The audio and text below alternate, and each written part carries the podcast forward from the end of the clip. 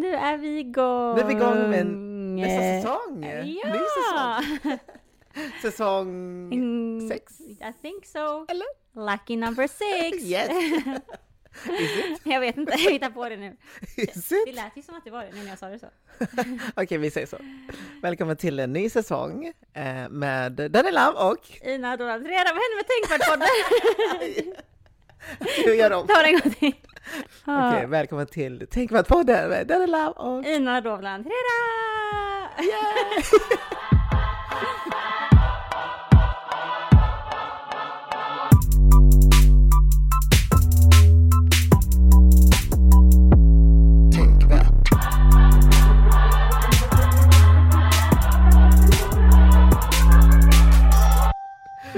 Vi har haft ett långt lov här. Ja, det var väldigt långt. Eh, ja, fan, hur kan man ens sammanfatta det här Ja, tiden. nyåret och Ja, gud. alltihop? Jag vet inte. Jag har kopplat bort mycket. Mm. Jag har varit i Spanien igen. Interna skämtet. Jag har varit i Spanien. Jag åker alltid till Spanien när jag ska koppla bort. Det har jag gjort. Alltid i Spanien. Exakt. Men det är okej, jag, jag är bara avis faktiskt. Vad, hur, vad, hur sammanfattar du? Min är då bortkoppling. Det är så jag sammanfattar hur tiden utan inspelning av podden har varit. Hur Mm. sammanfattar du det? Ja, jag skulle sammanfatta det med att... Nej men det har varit en väldigt... Eh... För mig har 2022 varit ett jävligt nice år, för mig Mm. personligen. Så kul! Kanske en av de få som tycker det. Det känns som jag pratar med alla och alla bara åh det var värsta året och det hänt så mycket och det var... Jag vet inte varför men många tycker det i alla fall. Ja, Men för mig har det varit eh, jättenice. fakt- men alltså jag håller faktiskt med. Jag vet att det är så... så? Men precis med tanke på allt skit som händer i världen. Men på Ja. ett personligt plan så samma. Ja. Alltså jag verkligen eh, har, det har liksom varit mycket möjligheter, men Mm. också mycket tid för att eh, bygga sin självkänsla typ och självförtroende och tro på det man gör och Mm, precis. Jag tror för mig så handlar det mycket om eh, personlig utveckling typ. Mm. Jag har förstått mitt värde typ. Både alltså på Look jobbet men också i, i, alltså i verkligheten liksom. Alltså Mm. vilka som är ens eh, vänner, vänner liksom. Man Mm. lägger tid på ens vänner och familj och inte så mycket på saker som kanske inte betyder så mycket Nej. egentligen. Om man bara blickar bakåt liksom. mm. Sen har jag också tagit mycket mer hand om mig själv. Eh, Men Yes. bara hela det här grejen med tatuering och Ja, liksom eh, träning och sånt, det har varit en grej som jag har gjort för mig själv egentligen. Mm, mm. Eh, Och det, det är kul och det, det känns typ efter 2022, man bara Ja. fan, man bara blickar bakåt, man bara det har hänt väldigt mycket om man jämför med 2021. Och, Mm. och idag sitter jag här liksom sista dagen som 29-åring. Exakt! Cause tomorrow is your dirty 30! Yes! Så man har lite så, det känns ändå rätt i tiden att eh, du vet efter att ha känt att 2022 var ett av de eh, bättre åren på Ja. senaste, Mm. jag vet inte hur länge som helst liksom. Mm. Till att nu bara, "Ja, men det är 2023, jag når ett ny, ett nytt kapitel liksom. Exakt. Eh, Så du känner att ditt, ditt sista år in your 20s var ett Mm. bra? Det har varit bra faktiskt. Jag, jag kunde inte vara nöjdare än så. Shit vilket, eh, vilken, eh, alltså vilket typ res, eh, vad säger man? Recept? Nej vad, säger jag? Ett resultat? Ja. Eller vad, gud det finns ett ord för det här. Nej, men, Recept, receptat. vilken recension, vilken recension? Recension. Hallå? Vilken recension om mitt liv. Är det någon hemma i Inas huvud? Nej men jag menar bara att vilket, eh, kvitto! Det är ett jättefint kvitto. så säger man så. Kanske jag, var the receipt. jag vill bara säga att vilket, vad, vad fint att du känner så. Det Ja. var det jag ville säga. Thank you! Jättefint. Och vet du, jag eh, håller faktiskt med typ, för jag minns att när vi spelade in eh, eh, poddavsnittet i april 2022, det var Mm. när jag fyllde 29, Mm. så pratade vi också exakt om det här att typ sista året som 29-åring, Mm. och nu är inte jag riktigt färdig med min sista år Inte än, än. Men jag kommer ihåg att då sa jag att det här ska bli liksom året, om man tänker på mitt levnadsår då, där jag verkligen inte typ håller tillbaka, gör saker för mig själv, gör det fullt ut, vågar tro på mig själv och vågar Mm. liksom bara eh, testa mitt fulla potential. Och det, jag har typ inte tänkt på det efter det, men sen så när man blickar tillbaka, för jag har också blickat tillbaka på 2022, Mm. då jag tänkte att fan det har fan varit så. Och jag känner samma sak, att jag verkligen fått lov att bara så här, för mitt stora problem tror jag är att jag inte trott på allt det jag gör, Mm. och därför så typ håller man tillbaka och inte gör saker fullt ut typ. Nej, man inte precis. riktigt vågar kanske då misslyckas om man inte Mm. tror att man kommer lyckas. Men nu har det varit så, nej, jag ska fan köra. Och det har känts jättenice. Så Du, är, du, du är självsäker dig själv och du Yes. vet vem du är liksom. Exakt. Yes! Going into our 30s We found ourselves. Det tog bara 30 år. Great! Great! Så att eh, verkligen 20-åren är till för att liksom inte veta, ställa frågor, för att man sen ska kunna gå in i sina 30s och bara så här, Full rulle. ja, och bara tro på sig själv. Exakt. Kul! Oh my. God. Men tagga en ny säsong. Ja. Eh, Den här säsongen kommer vara lite speciellt. Ehm, och jag tänker att ehm, bara för att inleda lite av det här avsnittet så Mm. tänker jag prata lite kort om, eh, om en minoritetsstress. Yes! Ett relativt nytt begrepp för mig. Mm, Eh, sen har jag hört talas om mikroaggressioner sedan tidigare. mm. Långt tidigare än minoritetsstress faktiskt. Mm. Eh, och mikroaggressioner för mig har det alltid varit liksom de här små ja, men, eh, aggressionerna från eh, andra Ja. mot en själv. Mm. Som kanske inte behöver var, kännas som en agg.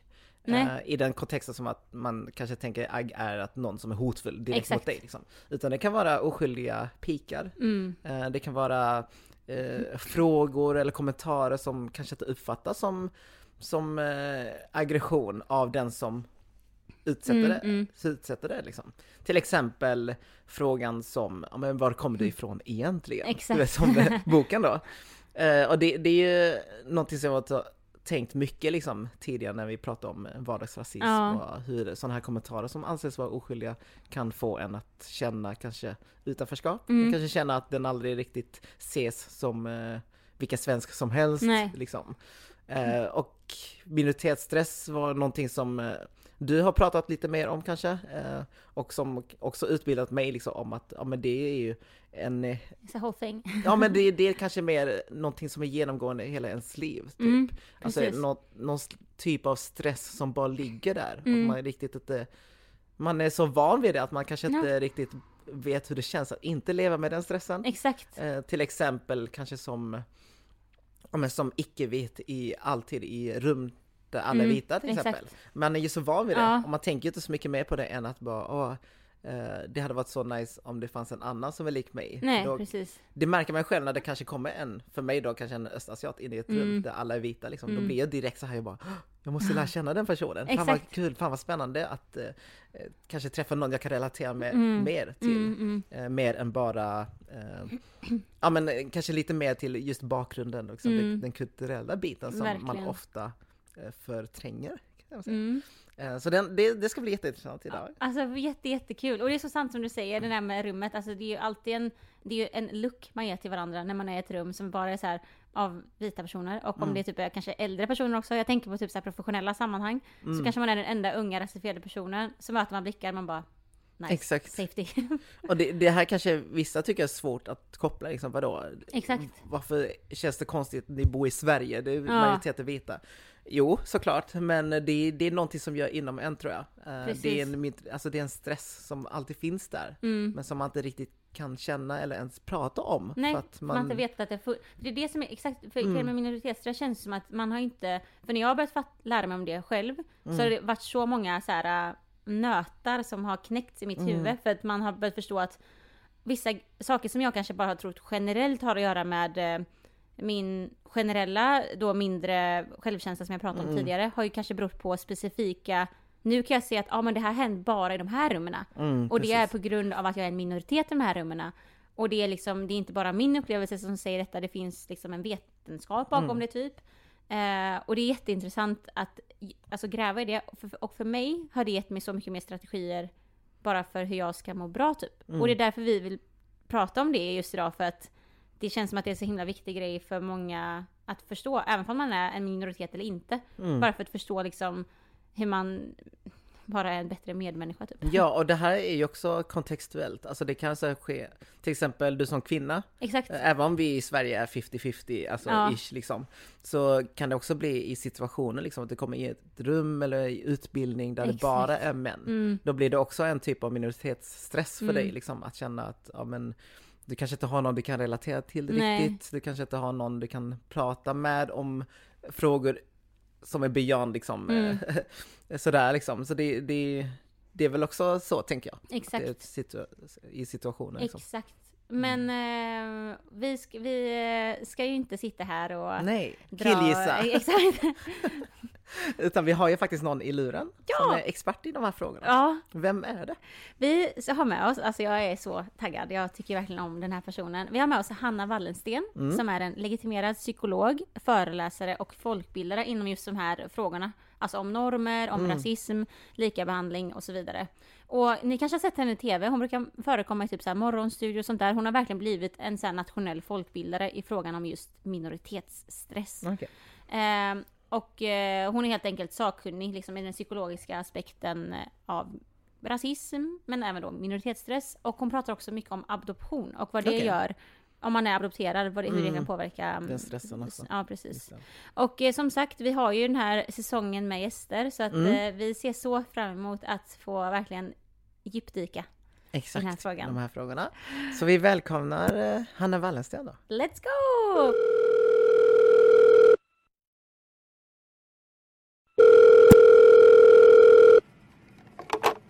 Välkommen Hanna! Tack Hej, så Hanna! mycket. Hej! Kul att se dig Ja, detsamma. efter allt teknikstrul. Ja. Behind the scenes. Behind the scenes 20 minuter av att få det här att funka. Men nu äntligen så är det igång. Mm. Gud vad kul att se dig. Hur mår du? Jag mår bra. Eh, ja, bara bra faktiskt. Mm. Hur mår ni?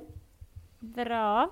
Sitter här och vi hade ett jättemysigt samtal innan du kom in här så vi är glada. Ja, och vi tänker fortsätta det här mysiga samtalet. Exakt. Och prata om eh, ja, men, eh, psykologiska ja, men, vad ska man säga, fenomen kanske. Om just Okej. minoritetsstress och mikroaggressioner. Och jag personligen vet inte alls eh, mycket om det. Eh, mikroaggressioner har jag, ja men det, det är ändå, jag har läst om det liksom och kan relatera till det. Men just minoritetsstress har varit väldigt eh, nytt för mig.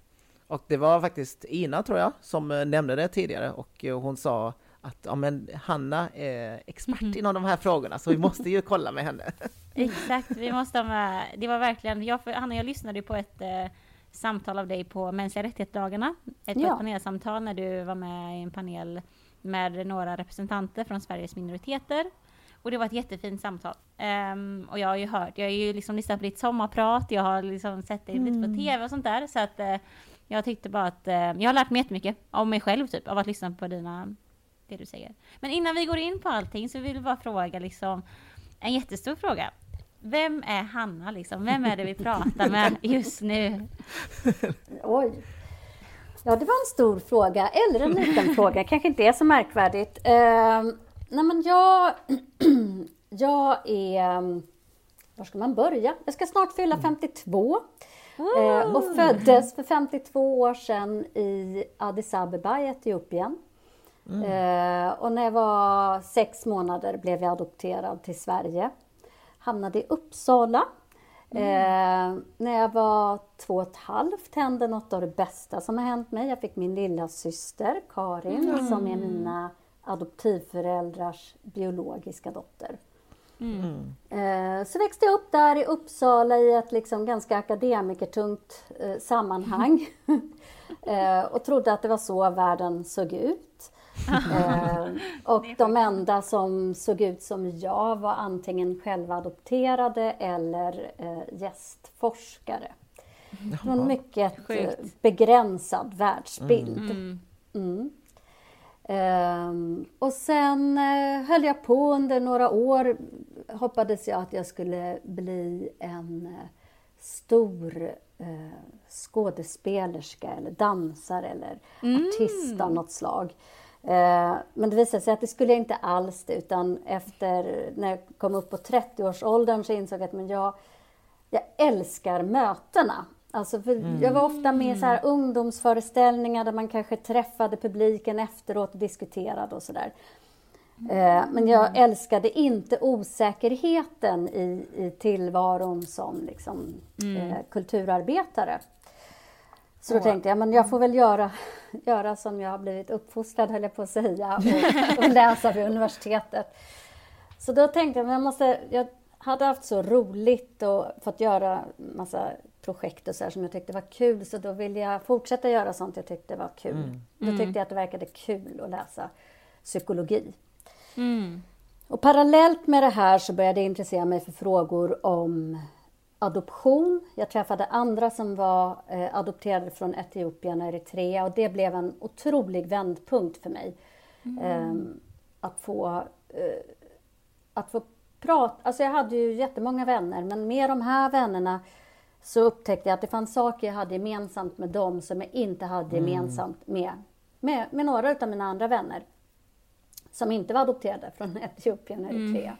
Mm. Och det intresserade mig jättemycket. Och mm. Så började jag hålla på med de här frågorna, jag började föreläsa om framförallt adoption och rasism. Vilket mm. gjorde att jag blev mer och mer intresserad av frågor om rasism och inkludering och utanförskap och så vidare. Mm. Så de där, det, de spåren liksom, eh, adoption och rasism, har jag haft med mig parallellt medan jag har läst psykologi. Mm. Var det liksom vändpunkten då, när du började umgås med de här ja. personerna med liknande bakgrund som du, som du fick? Ja, liksom? det skulle jag säga. Ja. Absolut. Det var mm. absolut en vändpunkt. Att, um, att vara i ett sammanhang och bli så speglad, därför att fram till tidigt 90-tal så var det inte så himla många som såg ut som jag i Sverige. Mm. Mm. Men där, precis i samma veva som jag träffade de här personerna som adopterade, så började det också komma mycket fler utomeuropeiska invandrare till Sverige.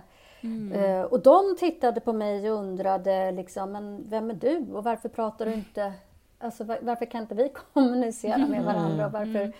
varför ser det ut som ett frågetecken när jag, när jag frågar om du är habesha och jag bara, vem, vad, va, nej, jag kommer från Uppsala. Det var total förvirring.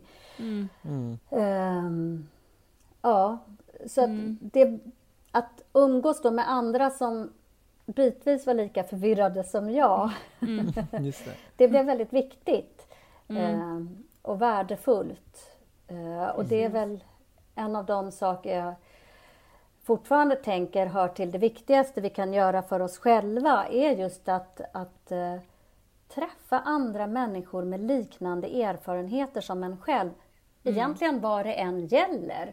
Och det här det vet vi ju. Vi har ju så här, ja men föreningar för tandläkare och föreningar för fotbollsentusiaster. Mm. Det är någonting med att få träffa andra som delar ens erfarenheter och som kan bli lika uppspelta som en själv över mm. vilket hockeylag som vinner eller som tycker att det är lika spännande som en själv att räkna ut hur man ska sticka just den här koftan. och sådär. Mm. Det, eh, och på samma Gemenskapen sätt, liksom. Mm. Ja, och att liksom dela unika erfarenheter. Eh, just det. Ja, som gör att eh, som gör att den kan ta sig ifrån kanske, jag hade mycket en känsla av att, av att det var fel på mig, att jag var konstig, mm. att jag var dålig, fel, ful, underlig, sådär. Mm. Och så plötsligt så träffade jag så många som, som såg ut så mycket som jag, som mm. inte alls var fel, ful, underliga, konstiga. Utan mm. helt vanliga och ibland alldeles smarta och snygga och sådär. Och då, mm. då fick jag liksom... Eh, då blev jag tvungen att fundera över vad, hur hänger det här ihop? Och det, mm. det har varit absolut en Var det så du fick liksom ditt intresse för psykologi också, liksom att bara försöka förstå, mm. ja, men, varför känner jag så här nu när jag mm. träffar personer som liknar mig själv? Alltså Precis. hur liksom... Mm. Precis, och det var också så att när jag träffade de här personerna så, så började vi också prata om rasism. Mm. Någon sa, är det, är det och så var det lite känsligt, så här, mm. men är det någon är, det någon av er som tycker att ni kanske eventuellt möjligen har varit med om någon situation som kanske, eller så här, har varit lite, wow. känns så här, rasistisk eller mm. så. Mm. Och det var som, det var som, det var så tabu, det var liksom, det var typ lättare att prata om sex än om rasism. Wow. Eh, och vilken, och då, tid, vilken tid, det här vilken tid pratar vi om? Mitten av 90-tal, tidigt 90-tal någonstans. Okay. 90, 93, mm. 94, 95. Mm. Uh, och det som gjorde att det var så, därför att väldigt många av oss var uppfostrade med att vi har inte rasism i Sverige. Nej, just det. Nej. Så att om jag hade upplevt rasism så var det väldigt lätt att tänka att det måste vara för att jag har gjort något dåligt eller dumt eller jag kanske hade irriterat någon eller jag hade mm. klätt mig konstigt eller jag pratade otydligt eller jag var ju ful eller oh, det måste vara något fel mm. på mig liksom eftersom mm. det inte finns rasism och någon ändå kallar mig Exakt. något elakt. Men plötsligt så satt de här människorna som jag kände ju respekt för Mm. Och, och berättade om situationer som var väldigt lika de jag själv hade varit med om. Och det var det som jo, gjorde mig så intresserad och som fick mig att eh, tänka att det här, var, hur, funkar, hur funkar det här? Var, Mm. Varför råkar vi ut för rasism? För det var ju också så att vi kunde kulturen, vi kunde språket, Mm. vi hade namnen. Alltså vi hette ju Sten och Björn och Eva och Lotta Precis. liksom. Eh, vi hade vuxit upp i svenska hem, vi åt korv med mos. Alltså vi Mm. var så svenska. Ja, Mm. just det. Och, och jag hade nog fått lära mig att rasism, om det förekom så var det för att ja, men, människor som ser ut som vi är så annorlunda och så konstiga, eller de vet inte, de gör fel. Och, Men det här var inte människor som gjorde fel. Det här Nej. var inte människor som var konstiga. Och det, då blev jag liksom väldigt intresserad av hur funkar detta? Varför blir man då rasist? Varför beter man sig diskriminerande eller så? Mm, Om det inte är för att jag är konstig. exakt. Tog Men, eh, ja. dina föräldrar någonsin snacket om rasism eller något sånt? Eller var det liksom, du fick Fast det, här, det här var ju, jag växte upp 70-80-tal. Ja. Så då... Eh, Det var inte liksom... det, vi hade som Nej. sagt inte rasism i Sverige väldigt Nej, smidigt. precis, nej, precis. Men Det var, tänker... inte, ja. det, var inget som vi, det var ingen som förväntade sig att Nej. vi som växte upp då, att vi skulle möta rasism. Just utan det. det. fanns en uppriktig upplevelse av att mm, men vi har inte Nej. rasism här. Mm. Men jag tänker typ, för det, det är så intressant att höra när du berättar om detta, för att även fall detta är typ 30 år bak i tiden, så känner jag verkligen att jag kan relatera till så mycket redan i det du pratar om nu, för de här kontexterna kan ju fortfarande finnas på något sätt, även fall det är 30 år fram i tiden. Mm. Men det jag tänkte säga var att, för detta var ju då på en, du fick ju intresse, för, som jag förstår det som att du fick intresse för de här frågorna om rasism och adoption samtidigt som du, med, du fick intresse för psykologin.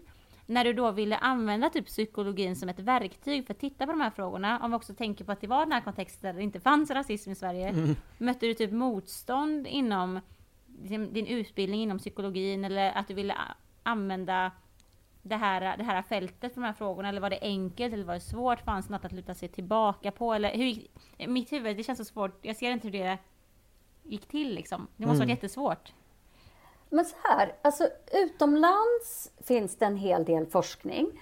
Eh, inte minst i länder som har ett kolonialt förflutet, eller liksom ett erkänt kolonialt förflutet kanske vi ska prata om. Exakt. Eh, men eh, där, där de här frågorna har funnits på agendan. Och framförallt så tycker jag att jag har hittat mycket inom socialpsykologin.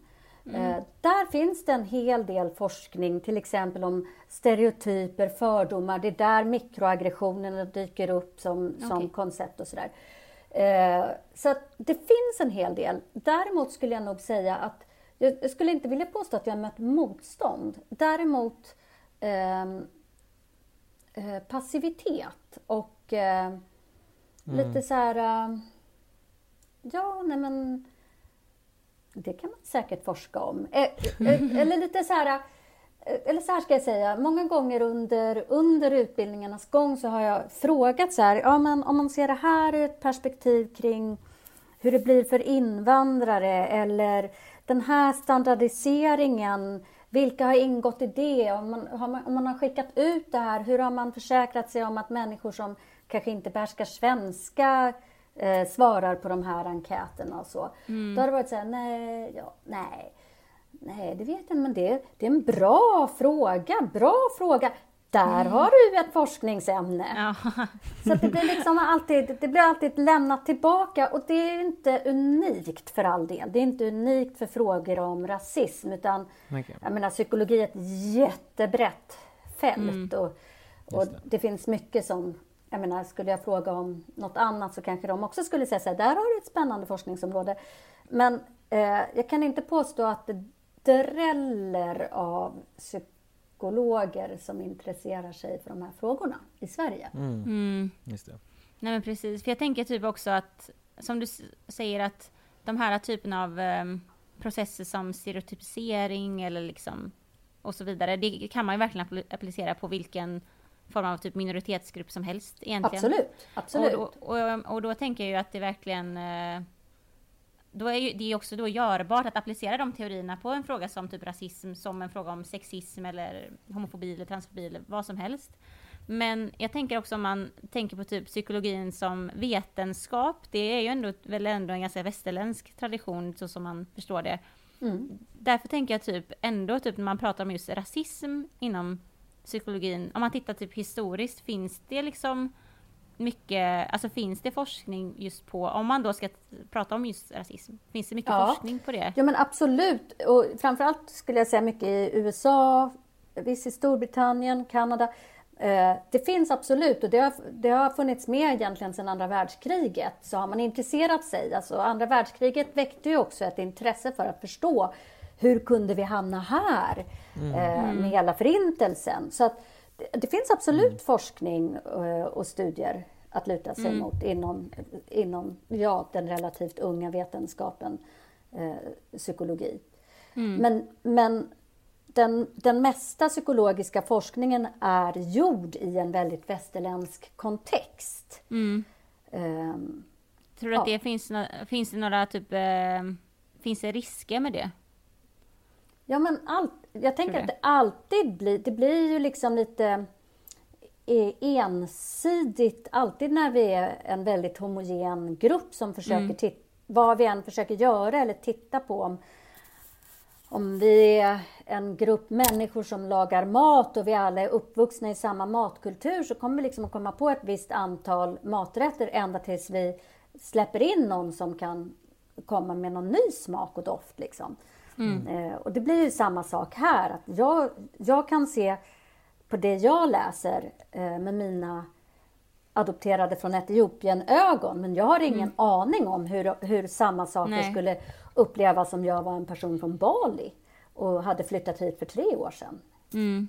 Exakt. Så att, eh, jag tror alltid att vi kan vi kan alltid få in mycket mer och förstå mycket mer och få syn på mycket mer när vi tittar på det med olika ögon. Och samtidigt med det sagt så är det ju inte så att eh, att vi bara tittar med vårt ursprung. Liksom.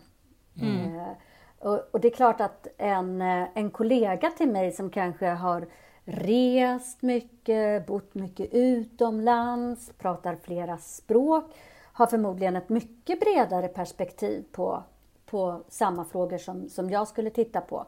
Mm. Så att, ja. Bara så man inte tänker att allt sitter i liksom, ja, nu har vi två med bruna ögon och tre med rakt hår och då behöver Nej, vi exakt. ha en med platt näsa. Liksom. Ingen kvotering på det mm. sättet.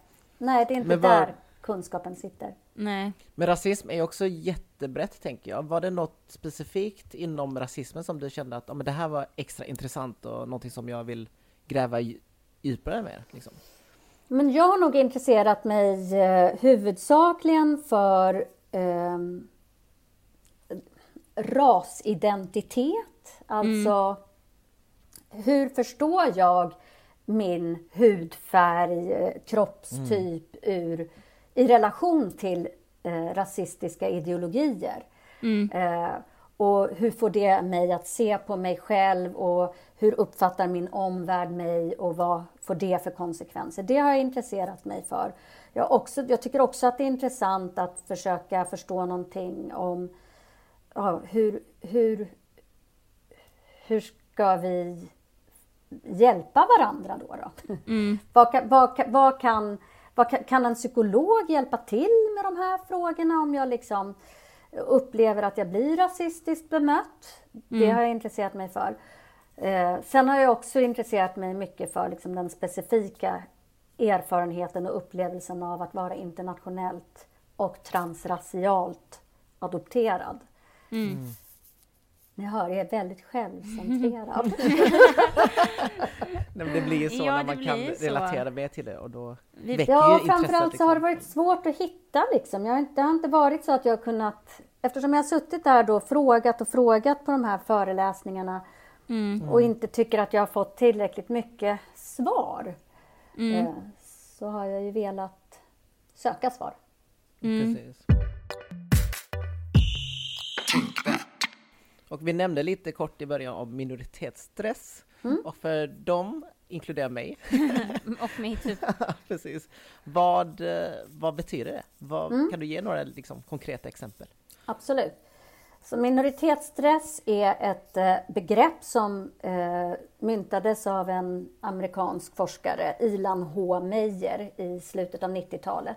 Mm. Och apropå det vi pratade om tidigare, att, att eh, många av de här frågorna kan appliceras på flera grupper, så är det verkligen så med minoritetsstress. Han tittade ursprungligen på homosexuella män mm. eh, och ganska snart också på homosexuella män med, eh, som var HIV-smittade. Mm. Eh, och så har man liksom använt den här modellen och tittat även på andra grupper. Och det han intresserade sig för det var om det finns stigma, negativa föreställningar, stereotyper, fördomar om en minoritetsgrupp i ett samhälle. Hur påverkar det individen? Och då ställde han upp tre, och, tre kriterier. Och det var att eh, om det här nu väcker oro eh, för att bli mm. nedvärderad av det omgivande samhället. Då var de tre kriterierna att de som hörde till minoritetsgruppen skulle uppleva en stress som de som hörde till majoritetsgruppen inte upplevde. Mm. Okay. Det skulle också vara en stress som var utöver liksom, hjälp, jag måste hinna göra klart och hinna hämta och hinna fixa och greja stressen, mm. den vardagliga stress som alla människor kan uppleva. Mm. Och slutligen att det ska vara en stress som är kronisk i bemärkelsen att den oftast finns med oss hela livet och mm. i alla olika typer av sammanhang. Det vill mm. säga jag kan uppleva det på förskolan, i skolan, i gymnasiet, eh, på arbetsmarknaden, på ålderdomshemmet. Jag kan uppleva det i affären, jag kan uppleva det på banken, jag kan uppleva mm. det i relation till mina kollegor och så vidare. Det, finns, det, det kan finnas överallt och hela tiden. Just det. Så det ytterst är en oro för att eh, nedvärderas och ses som mindre värd än andra. Och då eh, han tog fram en mycket avancerad modell med pilar och, mm. och streck åt alla håll och mm. kanter som jag knappt eh, förmår bli klok på. Mm. Eh, men jag, när, jag, när jag tittar på den här modellen så är det tre huvudförhållningssätt som jag brukar lyfta fram mm. som människor kan använda sig av då när de upplever minoritetsstress. Det ena är att eh, tänka att men det kanske, lite som jag berättade om att jag gjorde som barn, men det kanske stämmer. Jag är nog dålig, ful, eh, inkompetent, eh, inte mm. så bra. Sådana som vi kan inte, kommer ändå inte att lyckas, är, ja, är då de här eh, föreställningarna som finns i majoritetssamhället om oss. Det andra förhållningssättet är att tänka, vad är det här för skräp? Det här köper jag inte. Andra människor har jättekonstig bild av sådana som vi. Och mm. det, här, det här vill inte jag råka ut för, så jag kommer att vara hypervaksam. Jag kommer att vara på min mm. vakt. Jag kommer att känna igen när det kommer kränkningar och påhopp och förolämpningar. Och jag kommer att adressera det. Jag kommer att säga emot och, och så vidare. Och det tredje förhållningssättet det är att jag tänker det gäller att försöka anpassa sig till varje pris. Mm. Och det gäller att vara så lik majoriteten och normen som möjligt och att dölja och undvika det som är min normavvikelse, det som är min minoritetstillhörighet i möjligaste mm. mån. Jag kanske kodväxlar, det vill säga så code switching, alltså att jag byter sätt att prata när jag är i majoritetsdominerade mm. miljöer. Mm. Eh, jag kanske ser till att ha med mig matlådor som inte signalerar någonting om min bakgrund. Jag kanske mm. byter, mm. eh, inte har mitt lite, eh, lite mer för majoriteten svåruttalade namn. Jag tar ett mm, smeknamn. Jag sätter aldrig på mig mina liksom, eh, eh, kläder som är förknippade med mitt ursprung utan jag ser till att köpa bara svenska klädmärken mm. och så vidare. Mm. mm. Det vill säga, jag, jag, signalerar men jag assimilerar mig i möjligaste mån. Jag försöker vara så lik majoriteten som möjligt och ja, avsäga mig nästan eh, mitt, mitt, Identitet. min Mm. minoritetsidentitet. det. Exakt.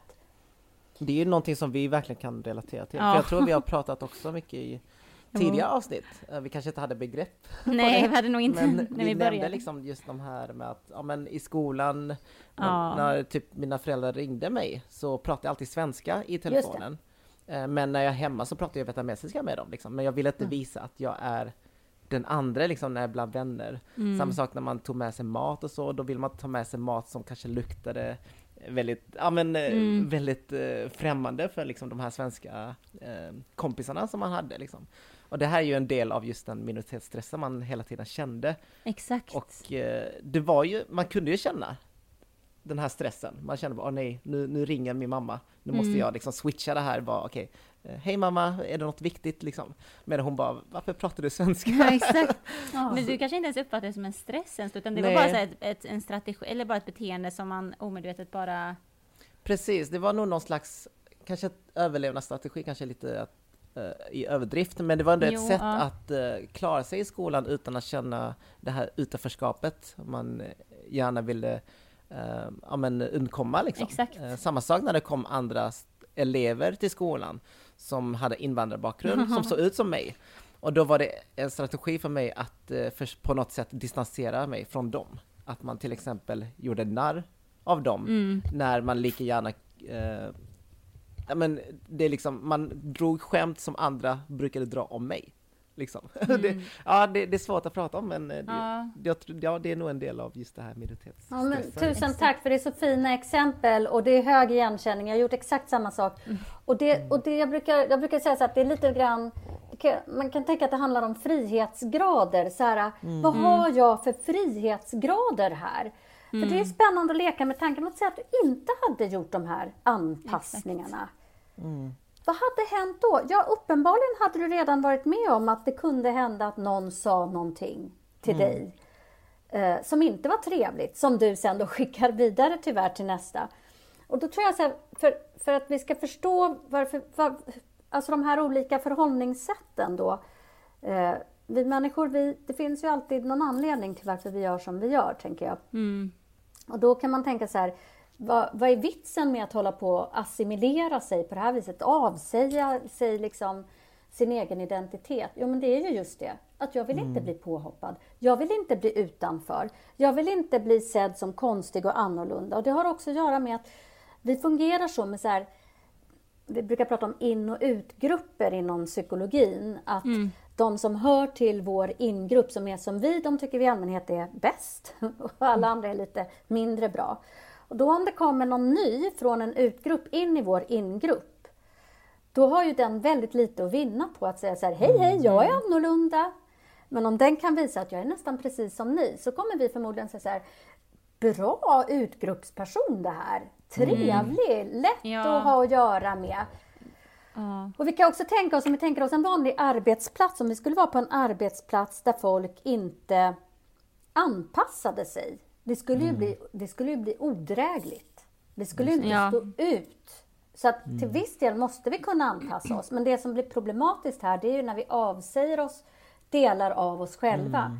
För vi kan också fundera över, när vi står där på skolgården eller i, på vår arbetsplats eller någon an- i vår nära relation och vi plötsligt låtsas som att väsentliga delar av oss själva inte är jag. Vilka blir vi då? Mm. Ja, men, mm. Vad har vi tillgång till? Vad är det som, vad är det som går förlorat i den Mm. processen? Exakt. Så det, det kan man förstå då med assimilering. Man kan tänka om det här med att istället då vara lite mera uppmärksam, lägga märke till. För precis som ni sa, så jag tror inte jag tänkte på det då. Eh, jag hade inte Nej. ord för det. Eh, motsatsen är ju då att vara väldigt medveten Mm. och fatta att de där, de håller på, de kommer att trakassera mig, den där läraren kommer att bedöma mig sämre på grund av min bakgrund och så vidare. Det som är bra med det, det är att jag tror inte att det är fel på mig. Mm. Eh, och det är ju väldigt skyddande och bra. Mm. Det som brukar bli problem är att det kanske hamnar i mycket konflikter. Just det. Mm. Alternativt att jag avstår från att uttrycka konflikten därför att min mm. omgivning förstår inte och säger bara att jag, jag inte kan ta ett skämt och att eh, det var inte ja. så det var menat eller det var ju för att du var si och så eller sådär. Mm. Eh, och, och, att jag därför väljer att inte säga någonting men jag bara noterar det här och risken är ju då att jag blir väldigt, väldigt ensam. Mm, det är smärtsamt att se det här och inte kunna få till stånd en förändring. Och det, det, ja, det blir ju ja. djupa sår liksom som hänger kvar väldigt länge. Mm, det tog ju väldigt lång tid för mig att börja acceptera mig själv och min kultur och mina föräldrars kultur och språket och sådär.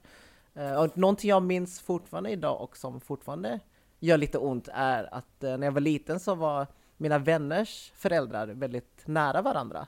Just mm, för att de har liksom haft barnen över och liksom haft mig över sådär och de, de kände varandra jättebra och bjöd över på middagar mm. och sånt. Men jag bjöd ut eh, liksom, eh, mina klasskompisar hem till oss just för att den här rädslan att åh, vad är det här för konstiga tecken? Vad är det här för konstig staty? Vad är det här för, mm. vad är det som luktar i köket? Du vet de här sakerna som gör att eh, eleverna, de vännerna kommer ju aldrig hem till mig liksom. Så mina Nej. föräldrar kände ju inte deras föräldrar heller. Och det kändes väldigt ensamt att känna att oj, de har ju en hel alltså, gemenskap liksom, som inte jag kände att jag hade med dem. Mm. och det, det sitter kvar lite fortfarande, liksom, mm. just det här med att man inte känner att man har den gemenskapen. Um, och det gör ju mycket liksom. Ja, exakt. Ja. Men, det, men det är så, jag tycker det är intressant det du pratar om också, de här olika strategierna, för jag kan verkligen känna igen mig att i olika delar av ens liv har man varit i olika strategi, alltså hanteringsprocesser mm. typ. Alltså mm. det här med att, för jag också liksom gick på en, min strategi när jag var liten var att eh, på gympan när liksom alla gjorde indianhopp så kollade alla på mig för att så här, ja, min pappa var från Peru liksom och det jag gjorde istället var att jag tog ju täten och sprang längst fram och liksom gjorde massa gestikuleringar för det gjorde, mm. fick ju på något sätt, för mig var det typ bättre, minns jag, att liksom för då var jag ändå en del av det, för jag var ju en del mm. av att göra de här skämten fast av mig själv på något sätt, snarare än att typ säga ifrån. På någon Precis, vis, liksom. exakt. Liksom. Det var, ju, det var ju väldigt praktiskt att du själv gav ett exempel, för det där skulle jag kalla för mer utav det här internaliserande. Just det. Mm. det vill säga, just det, indianhopp, sådana kan jag göra för jag är det. Och så, mm. så gör vi. Då kan man tänka så här, eh, dels skulle ju någon kunna säga så här, ja men det där var ju en positiv fördom. Exakt. Eh, och då vill jag bara liksom säga en, en gång för alla att fördomar är ju inte positiva eftersom Nej. det är en dom på förhand. Det är liksom att mm. eh, utgå ifrån något som inte är baserat i fakta. Precis. Eh, Exakt. Så att när jag liksom säger så här Ja, men det är ju jättehärligt att hon kan göra så höga hopp och det är säkert för att då berättar jag så här, jag tänker inte lära känna dig, jag tänker inte se dig som en unik Nej. individ, Exakt. utan jag har en färdig mall här och du kan bara hoppa in i den så blir det jättebra. Mm. Mm. mm. Exakt. Mm. Och då kan man tänka så här, okej, okay, så varför skulle någon vilja hoppa in i den mallen och låta sig eh, liksom exotifieras eller mm. ännu värre då när någon säger så här, du är så ful för du kommer där och därifrån och jag mm. säger, jo, jag vet, jag är det. Jo, precis det du var inne på, för det blir ingen konflikt. Exakt. Mm. Det, så om någon säger till dig så här, du är så ful och jag säger ja, jag vet. Bra, det blir mm. ingen konflikt. Men om, jag, men om jag ska stå upp för mig själv och säga så här, det tycker inte jag, då har vi mm. ett bråk på gång. Mm. mm Exakt. Mm. Och då beror det ju alldeles på vad jag har för frihetsgrader. Men står det fem pers runt om mig och säger att jag är ful, då kanske jag inte är så kaxig. Exakt. Och då kanske inte heller känner så här, jag vet att ni har fel, utan då kanske jag känner så här, fem pers kan inte ha fel. Och så känner jag mig som skräp mm. och fult. Mm. Exakt. Och det är så sjukt, och det är så sjukt för att liksom när man var yngre, alltså då, då, som sagt, man var ju yngre, vi hade inte ens, det var inte ens många år sedan jag bör, vi ens bägge två började få ord för de här processerna mm. liksom. Men nu då när man har fått det liksom, och man är där man är och både du och jag Danny, vi liksom jobbar ju också med de här frågorna och mm. samtidigt som vi liksom försöker utbilda andra om det så upplever vi ju själva också. Jag tycker ändå att den här kunskapen om allting, det har gjort verkligen mycket med mig på ett eh, både positivt sätt men också den här, så här hyperaktiva delen. Liksom för att bara senast igår så var jag och min partner på, vi var på en lägenhetsvisning eller höll på söka en lägenhet mm. och min partner han pratar bara um, engelska. Han flyttade till Sverige för några år sedan.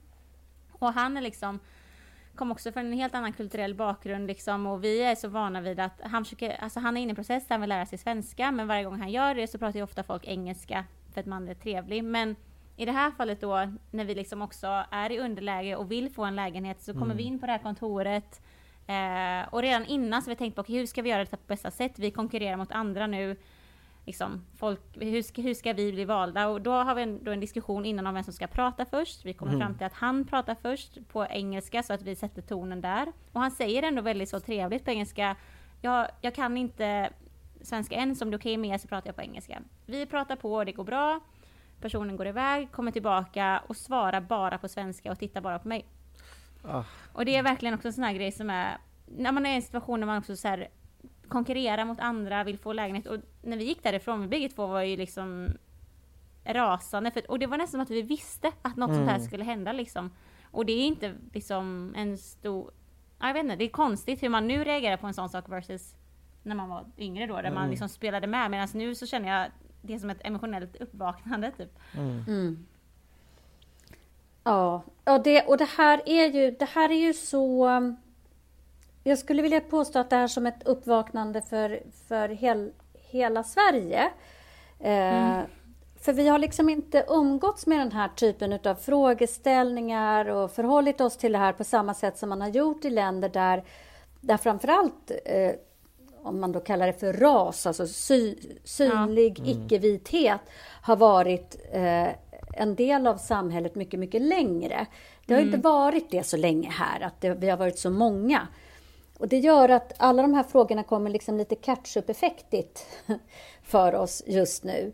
Och då lägger ni ja. märke till saker, eller ni, vi, mm. eh, som när vi lyfter dem, ofta när vi lyfter dem i samhällsdebatten så möts de av en oförståelse. Alltså, mm. Det finns många som skulle säga så här, vadå, jag förstår inte vad det var som var problemet. De mm. pratade engelska med honom när han pratade engelska. Sen kom de tillbaka och berättade, vi är väl i Sverige, det är väl inget konstigt att de pratar svenska. Mm. Skulle ju någon verkligen kunna säga. Medan för er så finns det en, en historia av att veta att när en ser ut på det här sättet, när en har den här bakgrunden, så händer det titt som tätt att vi blir diskriminerade, att vi får sämre förutsättningar. Mm. Kanske inte ens för att de tycker illa om oss, men kanske bara för att det kändes liksom bara... Det bara kändes lite härligare med de här mm. eh, Eva och, och Janne. De liksom, jag vet inte, det var bara en känsla liksom. Ja, precis. Mm. Exakt. Och det är det som många av oss som har utländsk bakgrund, vi vet det, vi känner det. Mm. Men det är så svårt att sätta ord på. Mm. Och så blir det bara åh, den där hårda klumpen i magen. Ja. Mm. Och, jätte, upp, liksom. Mm. och, jättes, och också väldigt svårt att göra någonting åt. Ja. Mm. Men därför tycker jag, för mig har det hjälpt mycket att veta ens vad minoritetsstress är. Ja. För, då, för då går det på något sätt att inte typ att rationalisera eller typ tycka att det är okej att detta händer. Nej. Men ändå förstå att det ligger liksom ingenting i mig. Det är liksom Exakt. inte det är ju, detta är ju på grund av... Det är inte bara du som är överkänslig eller Nej, att du överdriver Precis. den här känslan. eller att du bara, bara ser var... negativt i allting liksom. Exakt. Nej. Utan det finns liksom någon slags, ja men just det här mikroaggressionen liksom. Det här var ju ja, en typ av mikroaggression. Ja, exakt. Mm. Och det blir också möjligt att tänka så här, det är inte jag som är överkänslig och det är inte ens säkert att det är mäklaren som är elak eller tyck, ens tycker illa. Nej. Nej, exakt. Utan det här är mer strukturellt. Mm. Mm. Exakt. Sen finns det såklart situationer där någon verkligen tycker illa och så vidare. Men, mm. mm. men vardagligare tror jag att vi har att göra med de här äh, situationerna som är tvetydiga, oklara, ja. och, mm. eh, dålig känsla och sådär. Mm. Och då tycker jag också att det är väldigt hjälpsamt att ha lite ord för vad det är jag känner och vad det är jag upplever som gör att jag, att jag liksom kan förstå det bättre och också välja hur jag vill förhålla mig. Det här vill jag gå vidare med, det här vill jag säga ifrån mot, det här bekommer mig faktiskt inte så mycket, det här kan jag släppa och så vidare. Mm, mm. Jag minns när jag lyssnade på ditt eh, samtal då eh, på mm, MR-dagen i Örebro så förklarade du det på ett sätt som också för mig var väldigt ögonöppnande.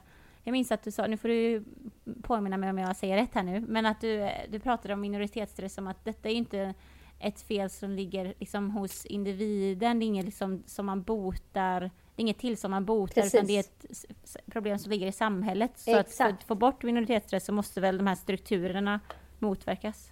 Absolut, precis. Det är inte en diagnos. Minoritetsstress är inte en diagnos. Vi Nej. kan inte gå till doktorn och be att få ett minoritetsstresspiller. Mm. Utan minoritetsstress... Upp, ja, det är synd. Eh, utan minoritetsstress uppstår för att det finns stereotypa föreställningar om minoritetsgrupper i ett samhälle. Att det finns, mm. Eh, och att det finns eh, diskriminerande strukturer. Mm. Precis, så ska vi bli av med minoritetsstress så måste vi motverka homofobi, transfobi, rasism, funkofobi och så vidare.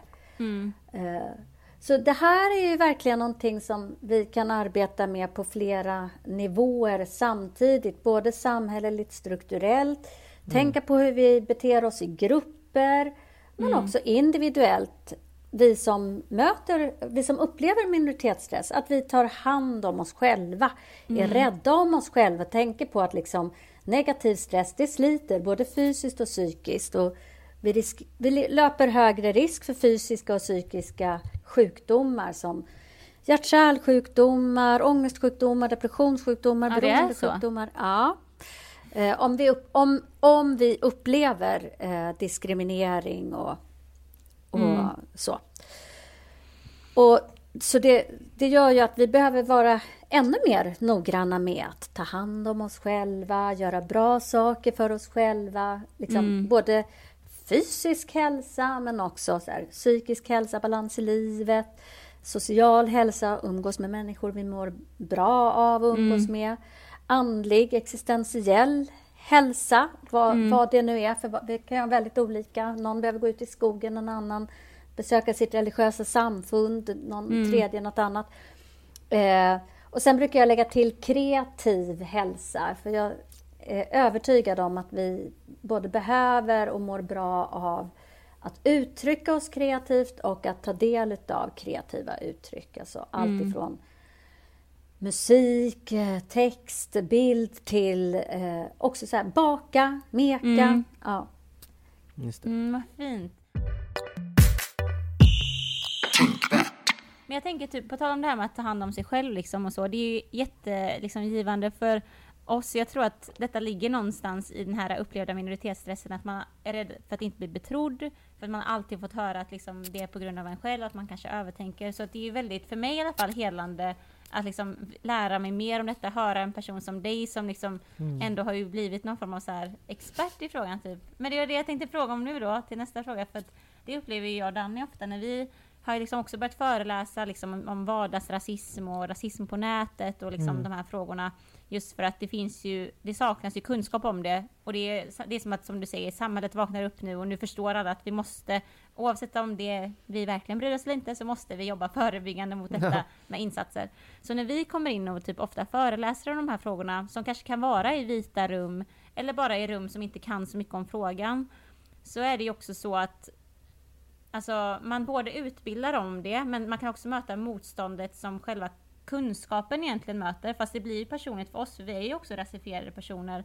Och jag tänker för dig som liksom, men är ju verkligen som någon form av expert i TV och på föreläsningar. Det är ett väldigt stort ansvar man bär på sina axlar. Och jag har även sett några av de här intervjuerna och har mina egna åsikter på hur du faktiskt blir bemött ibland i dina frågor. Liksom ibland avbruten med vissa frågor och det kanske är en fråga som inte är så relevant. Typ. Så jag bara och du får ju välja själv hur du vill svara på den här, men hur navigerar du i att liksom både då ha det här expertansvaret men också vara en rasifierad person? Mm. Ja, ja. Hur, hur, hur går det för dig?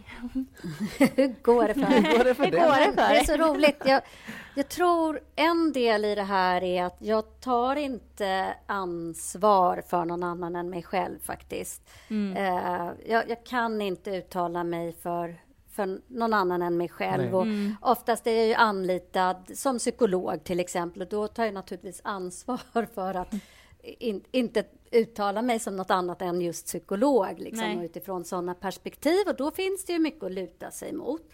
Eh, och ibland så uttalar jag mig bara som mig själv som privatperson, som i sommarpratet till exempel. Då, mm. liksom, eh, det finns ju lika många erfarenheter och upplevelser av att vara adopterad som det finns adopterade till exempel. Så, det, så kan det också vara. Mm. Så det är ett sätt att mm. liksom inte ta ansvar för något som jag inte känner att jag kan ta ansvar för. Mm. Men sen, eh, och där tror jag det är en enorm fördel att vara just psykolog. Vi är ju eh, och blivande psykoterapeut, vi är liksom inskolade i en tradition där det är självklart att ta handledning. Att, mm. att liksom ha någon eh, visare och kunnigare som vi vänder oss till för råd och, och bollande. Mm. Eh, så det har varit naturligt för mig att alltid se till att ha personer omkring mig som jag kan bolla med. Mm, jag mm. tar egen terapi också vid behov. Eh, och är väldigt liksom... det, är, det är en hög utgiftspost i, i, i min verksamhet därför att jag vill inte riskera att jag står och geggar ihop det som är mitt privata med det som jag jobbar med. Eftersom, det, mm. eftersom jag jobbar med människors känslor. Det skulle bli jättegeggigt om mm. jag inte höll, höll reda där. Eh, sen nätverk, och det måste jag liksom säga apropå vad vi kan göra för att motverka minoritetsstress. Nätverk, A och O. Eh, att, tycker jag då att ha kontakt med andra personer som, som jag upplever att, att jag delar mycket erfarenheter med. Mm. Personer mm. som jag vid det här laget, jag har ju hållit på med det här så länge också, som känner mig väl. Eh, som, som jag kan säga till, liksom så här, hörni, den här grejen hände. Jag, jag undrar, är det, bara, är det bara jag eller är, är det här liksom ett fenomen? Och sådana personer som kan säga så här, Hanna det där är faktiskt bara du. Mm. eller mm. ja, det här är ett fenomen. Men som mm. jag också kan vända mig till och säga så här, jag är så arg, eller jag är så frustrerad, eller jag blev så ledsen. Och som jag vet alltid har min rygg. Mm. Så det är mycket, mycket självomsorg. Mm. Mycket, mycket, mycket sånt. Sen väljer jag inte att... Eh, jag har ju valt att inte eh, söka upp sådana som har helt andra åsikter än jag, som kanske ventilerar det efter att jag har synts eller hörts någonstans. Mm. Eh, det, jag är inte på Twitter, jag går aldrig in på back... Eh, Backlash, höll på att säga. det kan bli en backlash. backlash. Jag tycker inte att jag behöver det. Eh, och det tror jag skonar mig, men det vet jag mm. inte. Mm. Men det är en kvalificerad... Det, det är klokt, det är tycker jag. För jag mm. försöker så undvika de här forum för att det är det blir ytterligare lager av eh, stress. Liksom. Ja, och, det, och, man kan också fråga, jag brukar fråga mig så här, varför skulle jag göra det? Varför mm. skulle jag söka upp det? Vad vore poängen? Vad, skulle det leda till någonting? Skulle Nej. det mm. förändra mm. någonting? Och skulle det vara det bästa sättet jag kan använda min energi? Nej, mm. det tror Nej. jag inte. Så att det, är ett, det är ett aktivt val. Mm. Ehm, det var någonting mer jag tänkte på. Mm. Ja, det kommer tillbaka. Mm. Yes. Vi har ju släppt en bok som går lite hand i hand med just eh, minoritetsstress och mikroaggressioner. Och den kallas ju för eh, Var kom du ifrån egentligen? Ja. Eh, och det är en fråga vi själva också fått ja, jag vet inte, otaligt många gånger. Och det, det ser jag som ett typexempel av en mikroaggression. Men inte alltid. Jag tänker, kontext är väldigt viktig. Mm. Eh, och får jag den frågan till exempel av en främling som jag träffar för första gången liksom, som första fråga, då får jag upp så många tankar. Då är det liksom, ja men varför vill den veta? Är jag inget annat än mitt utseende? Vad, vad kommer hen att säga mm. härnäst om jag svarar var jag egentligen då, inom citat, mm. kommer ifrån? Och får jag lov att säga Göteborg? Alltså var liksom går gränsen? Mm. Men om frågan kommer från, ja, från Ina till exempel, då får jag inte alls den här känslan av mikroaggression. Uh, och då, tänker, då är min fråga liksom, ja, men finns det liksom olika nivåer av mikroaggressioner? Eh, är kontext viktigt eller hur, hur liksom funkar eh, om man går mm. ännu djupare i just den känslan? Mm. Men absolut, det är klart att det finns olika nivåer, precis som det finns olika nivåer av reta, mobba, mm. eh, trakassera. Så att definitivt. Och, sen, och precis som du är inne på, det är helt kontextberoende. Vad finns det för maktrelation? Hur nära mm. varandra står ni varandra? Är det min nya svärmor eller min nya arbetsgivare eller min gamla vän? Precis som du är inne på. Så det, jag tycker att det har jättestor betydelse. Mm. Eh, ja, absolut, självklart. Och jag tycker också att utöver alla de här utmärkta eh, exemplen som du gav på vad, vad den där frågan väcker så tycker jag att det är också intressant att intressera sig lite för alla de frågor som inte ställdes istället. Ja, mm. precis. Jaha, mm. där står du i en, i en svart tröja precis som mm. jag. Vart är du på väg? Eh, mm. Kanske vi ska åt samma håll? Eller eh, som vi brukar säga i Sverige, tänk vilket väder vi har idag. Alltså vi kan prata, prata, för många är ju så här, men jag vill bara lära känna någon. Jag känner så få som har, en, mm. alla jag känner kommer från samma ställe. Ja, men jättetrevligt, men lär känna den personen då. Individen först. Liksom. Mm. Först, mm. liksom. Uh, in, vad, vad, är, vad är intressant? Det finns väl tusen miljoner andra saker att intressera mm. sig för först. Och det Precis. här gäller ju, det är ju samma sak. Men gud, varför sitter du i rullstol då? Det, det, det är lika, det, mm. Första frågan, det är helt o, det är ovidkommande om jag på mm. riktigt är intresserad av en person. Och är jag inte på riktigt intresserad av en person, utan nu är det bara någon som råkar stå här på busshållplatsen. Mm. Men då, vår tradition i det här landet är mm. faktiskt att då djupdyker vi inte det första vi gör. Utan då är, Verkligen. Det är, ja, det är undra när bussen kommer, Exakt. kör vi på då. Men också liksom bara prata om personens, ja men kanske saker som den själv har valt eller mm. saker den ja. själv är intresserad av liksom. För det är, sånt är så mycket mer intressant än saker som man råkar födas som, tänker jag. Eller ännu hellre, presentera dig själv. Ja. Hej! Ja, här står jag. Ja. Precis. Jag är 62 år. Nej men inte vet jag. Precis, och mitt tips till andra som brukar liksom ställa frågan, vadå, får man inte fråga var man kommer ifrån egentligen? Liksom? Och mitt tips är att alltså, det kommer fram oavsett liksom. Ja, det är ju upp till uh, oss själva ja. hur mycket vi vill dela med oss om vår bakgrund liksom. Alltså mm. fråga om andra saker och är du jätteintresserad av det så kommer det ändå fram oavsett sen, tänker jag. Och ibland så säger folk så här, ja, Förlåt att jag frågar, jag är så ja. nyfiken. Ja. Är du mm. från Etiopien? Och då ibland så lägger de till, ja du förstår jag har varit där och jobbat ja, just det. år. Det, och då kan jag känna så här, men okej, men nu har du i alla fall berättat något om dig själv och om motivet ja, till varför du ställer frågan. Då tycker jag det är lättare att fördra. Då kan jag mm. välja mm. att säga, jaha vad spännande, när var du där och var var du? Så kan jag mm. fråga den personen istället. Så behöver inte... Att man vänder på det liksom. Mm. mm. Alltså jag, jag, vet, jag kanske är lite för... Jag, jag, jag, den här frågan för mig är fortfarande... Jag, jag är fortfarande svårt att vara diplomatisk när det kommer till frågan, för jag tycker... Och det här kanske är något i och för sig nu när jag tänker på det med mig som individ då, mm. men jag tycker att den frågan är så himla...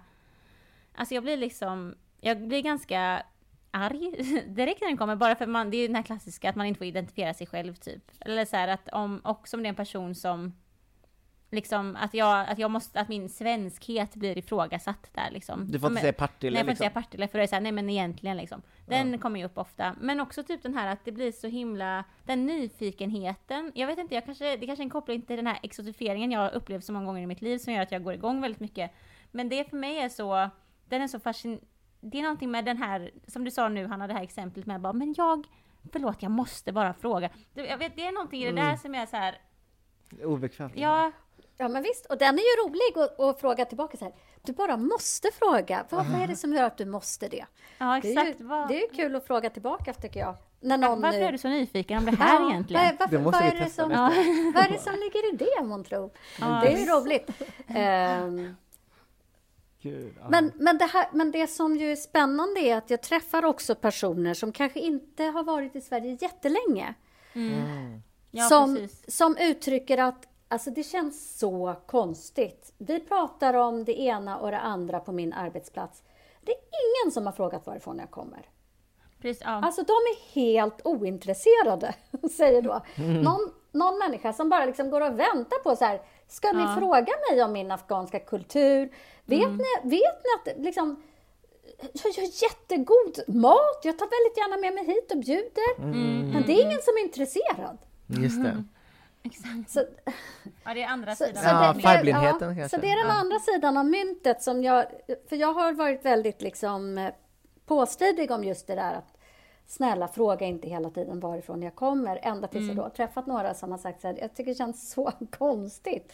Mm. Ja, så att det är ju inte helt enkelt. Men Nej, hitta balansen. jag tycker kanske att så här, för den som nu lyssnar och undrar, så det behöver inte vara den första fråga du ställer. Mm. Men när du väl lär känna någon så är det ju, det är ju inte fel och inte otrevligt. Nej. Vi kan också fundera över, bjuder den personen in till att jag ställer fler frågor? Är det här någonting som den verkar intresserad av att berätta mer om?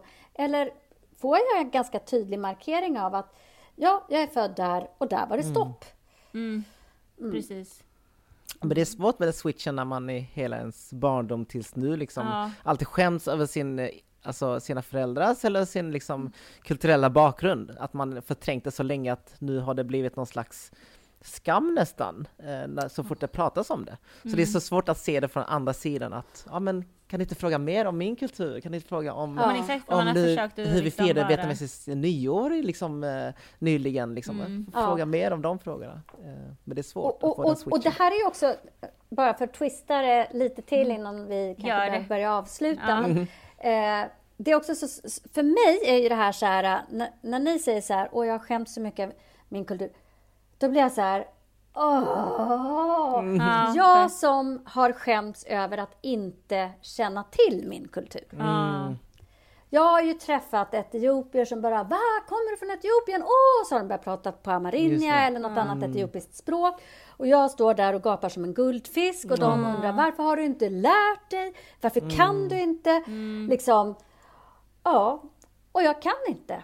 Och jag har jättesvårt att lära mig. Och jag har alldeles för få bekanta. Och jag känner mig alltid lika udda och konstig när jag kommer till etiopiska miljöer. För jag vet inte. Och det känns som att det står skrivet liksom, så är det över hela mig. eh, och, och jag skulle liksom ge hur mycket som helst för att ha till... Jag hör också till till dem som mi- har fått mitt, eh, mitt ursprung avklippt. Jag skulle ge hur mycket som helst för att kunna få tag i mina biologiska släktingar. ja, exakt. Och, ja. Ja, det Gud, finns ja. olika. Nej, men det är, och lager, jag, ja. jag lägga till- på en jättesnabb, snabb, hela, vet du det, jag är också uppvuxen, liksom jag har en förälder som var från Peru men som inte längre är i livet. Mm. Och eh, hela min släkt bor liksom i, eh, utanför eh, Europa, några bor kvar i Europa. Men jag har också haft en, jag har inte alls haft mycket kontakt med den sidan av min familj. Så jag känner så mycket igenkänning i det du säger. Det är så här, jag har inte den kulturella bakgrunden. Språket har jag liksom fått liksom lära mig senare i livet och allt det här. Så jag känner exakt samma sak. Det är både den här mellanförskapskänslan, Mm. men också typ att jag är inte svensk här. För frågan Nej. kommer. Men vad jag är istället då? Då förvänt, finns det en förväntan på att det ska vara någonting annat jag är. Och så när man inte heller kan stå och prata om vad det där andra är, då blir man som en... Mm. Ja, det är liksom... Och det Precis. där var ju spännande för det kom ju också upp på det här seminariet på MR-dagarna. Nu har vi hänvisat till det så många gånger, men det finns tyvärr inte inspelat. Men eh, där var det också flera av dem som hörde till de nationella minoriteterna som Exakt. gav uttryck för precis samma sak, som hade vuxit upp då med väldigt svensk kultur och där det fanns kanske släktingar bakåt i tiden som hade skämts över ursprungskulturen och gjort allt för att just assimilera sig och då inte heller förmedlat till sina barn den här kulturen. Det är också därför jag tycker att det är viktigt att man inte frågar den här frågan för snabbt. För att det finns så mycket, det kan finnas så många olika jobbiga eller glada saker att prata om, men det är liksom inte lika det är, om jag skulle jämfört det med en fråga man hade ställt typ till en eh, person som vars föräldrar båda var födda i Sverige, hade jag typ jämfört den emotionella frågan med, ja men hur ser din familjerelation ut? Är dina föräldrar tillsammans? Eller Mm, vid livet? Eller liksom, jag vet inte, det kan bli jätte, Mm. öppna upp liksom. Ja, men mycket. precis. Det är inte en neutral fråga som många tänker sig. Exakt. Men eh, Hanna, det här är ju, vi kan ju prata på. Vi Ja, märker det, här, det här är ju så, det är så himla kul att få prata med dig om detta. Och vi vill verkligen, eh, men vi har ju, vi, vi måste ju stoppa någon gång, annars kommer det aldrig Ja. gå. Men vi brukar alltid avsluta med några frågor bara för att komma ur de här kanske då tunga ämnena. Man kanske kan känna sig hopplös och eh, vet inte Mm. vad man ska liksom gå vidare med allt det vi- har pratat, Pratat om. om. Ja. Och eh, ja, det som vi brukar fråga är vad är dina tips eh, på ja, men hur man kan bli en bra allierad? För vi har många som kanske lyssnar som inte riktigt vet vad de ska ja, men, ta den här kunskapen vidare liksom. Hur kan Mm. de göra för att motverka ja, men, rasism eller minoritetsstress? Mm. Liksom? Några bra saker. Eh, Mm. Att vara normmedveten.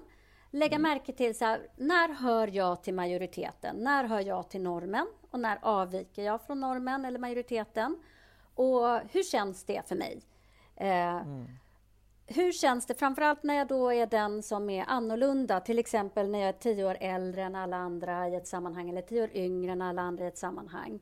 Mm. Vad behöver jag för att eh, känna mig som att jag är välkommen i sammanhanget? Ja, tänker vi efter så är det ofta så här att någon frågar så här, vill du vara med eller eh, hur mår du eller vill du äta lunch med oss eller vad har du gjort här eller sådär.